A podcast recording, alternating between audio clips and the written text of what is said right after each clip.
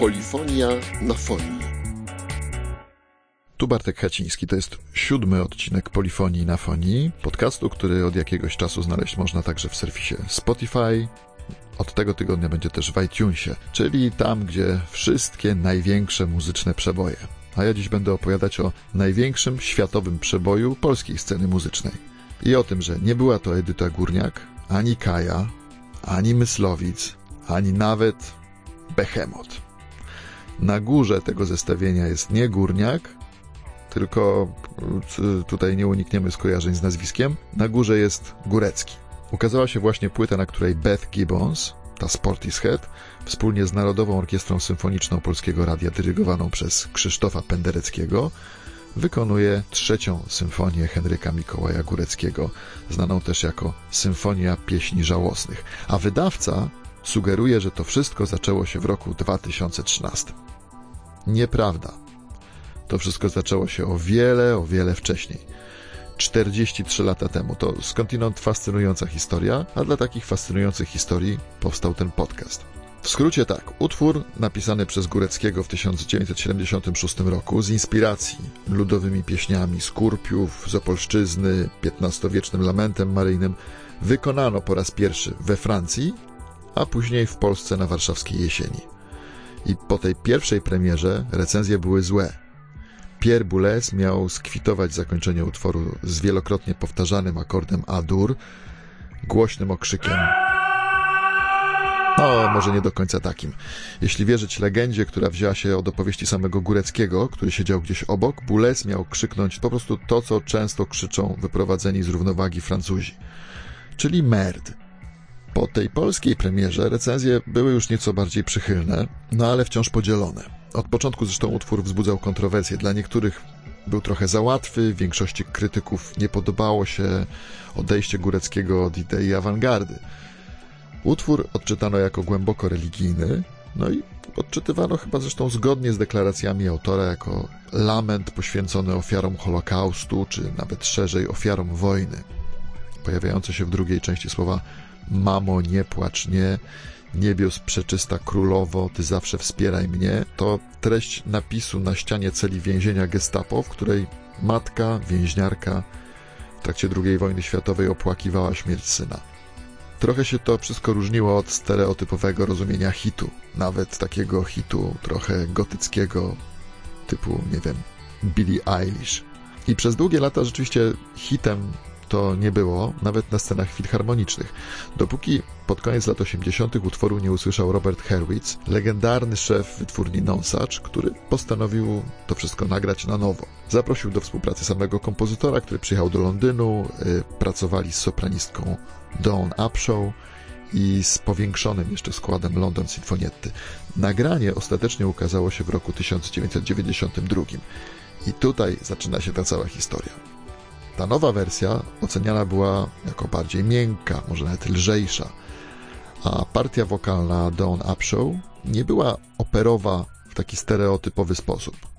Wydaje się, że po prostu łatwiej było coś takiego zaakceptować słuchaczom spoza kręgu muzyki poważnej. Do tego dochodzi sam okres, lata 90., czyli wzrost popularności płyt CD, kiedy świetnie się ten nośnik sprzedawał, kiedy wzbudzał zainteresowanie muzyką poważną, bo jej dynamikę oddawał akurat nieźle i często kupowano muzykę symfoniczną nawet choćby i po to, żeby sprawdzić, jak to brzmi na nowym domowym sprzęcie. No i do tego wszystkiego kilkuminutowy fragment tego nagrania został wykorzystany w BBC. Mieliśmy więc taki rodzaj klasycznego singla, czy poważkowego singla. Naprawdę dziwne rzeczy zaczęły się dziać w lutym 93 roku, oczywiście na tym brytyjskim rynku, kiedy najpierw płyta weszła w ogóle do albumowej listy bestsellerów, takiej listy bestsellerów, gdzie rywalizują ze sobą płyty z muzyką popularną, a potem awansowała na miejsce siódme i wreszcie nawet na szóste, spychając w dół y, wtedy płyty Automatic for the People grupy R.E.M. i jeszcze album grupy Take That, bardzo wtedy popularnej. Łącznie w samej tylko Wielkiej Brytanii sprzedała się dość astronomiczna suma 400 tysięcy egzemplarzy tej płyty, a na całym świecie ponad milion, co zwykle kwituje się takim nieprawdziwym hasłem nagranie sprzedano w milionach egzemplarzy. Nie miliony, bo jeden milion wystarczy, żeby naprawdę zrobić na ludziach wrażenie, szczególnie jeśli mowa o muzyce współczesnej, której sprzedaż liczy się w, w tysiącach albo nawet setkach sztuk. Ta płyta w szczycie popularności sprzedawała się w dziesięciu tysiącach egzemplarzy dziennie. Górecki po latach mówił wprawdzie, że wiedział, co pisze, ale był totalnie zaskoczony przyjęciem utworu. Do tego stopnia, że pierwszego czeku na setki tysięcy dolarów tak długo nie realizował, że wytwórnia Nosacz musiała mu go wystawić po raz drugi, bo tamten się zdezaktualizował. Po latach, przy okazji premiery czwartej symfonii Góreckiego, miałem okazję porozmawiać z Robertem Heruicem o tym, czy wiedział, co w ogóle wypuszcza na rynek.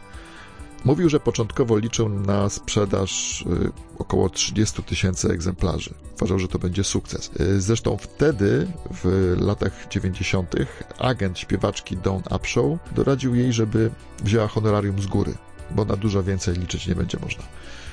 Herwitz stwierdził też w tej naszej rozmowie, że przewidzieć taki sukces to jak przewidzieć, gdzie uderzy piorun. Mówił, że tak było z wariacjami goldbergowskimi w wykonaniu Glena Goulda, że tak było z Kind of Blue, Milesa Davisa, koncertem w Kolonii Kita Jarretta czy projektem Buena Vista Social Club. Żadna z tych płyt nie powstawała jako komercyjny produkt, a wszystkie sprzedawały się w milionach kopii. To się zdarzało i będzie się zdarzać, ale jest nieprzewidywalne. No dobra, niezłe towarzystwo, trzeba przyznać. Francuzi powiedzieliby tak. No, ale ja nie mogę rzucać co i raz tego francuskiego słowa, bo mnie przeklasyfikują do explicit content i podcastu nie będą mogły słuchać moje dzieci. Wracając do tego towarzystwa, wrażenie robi także towarzystwo ówczesnych fanów utworu. Otóż modna w latach 90. grupa LAM nagrała singlowy utwór zatytułowany Górecki, który zresztą zawierał fragmencik trzeciej części utworu, a jego autorzy powoływali się na inspirację atmosferą nagrania Góreckiego. Wybitny saksofonista jazzowy Colin Stetson, który był wtedy w szkole muzycznej, grał w zespole, z którym jeździł na koncerty, a podczas podróży słuchali m.in. trzeciej symfonii. Słuchali jej na tyle często, że ten utwór wrył się gdzieś w jego pamięć i po latach nagrał go w swojej nowej, przearanżowanej na inną grupę instrumentów wersji i wydał dwa lata temu pod tytułem Sorrow. Bezpośrednio inspirował się trzecią symfonią także Goldie na swojej płycie Saturn's Return. Przy okazji, przyznając się, że tak naprawdę y, oczy na utwór Góreckiego otworzyła mu wtedy ówczesna dziewczyna, czyli Björk. Stąd wiemy, że i ona słuchała trzeciej symfonii. Pamiętając to wszystko zapewne, organizatorzy warszawskiego koncertu trzeciej symfonii Góreckiego, który odbył się w roku 2014, 5 lat temu, chcieli do wykonania tej partii wokalnej w utworze zaprosić właśnie Bierk. No ale źle trafili o tyle, że Bierk przeszła wcześniej operację usunięcia polipa strun głosowych, nie mogła śpiewać, przez kilka tygodni nawet z własną córką porozumiewała się pisząc słowa na karteczkach. Ostatecznie padło na Beth Gibbons y, z Portishead czołowy głos trip-hopu, czyli zjawiska, które rosło w Wielkiej Brytanii w siłę dokładnie wtedy, gdy Górecki szturmował listy przebojów.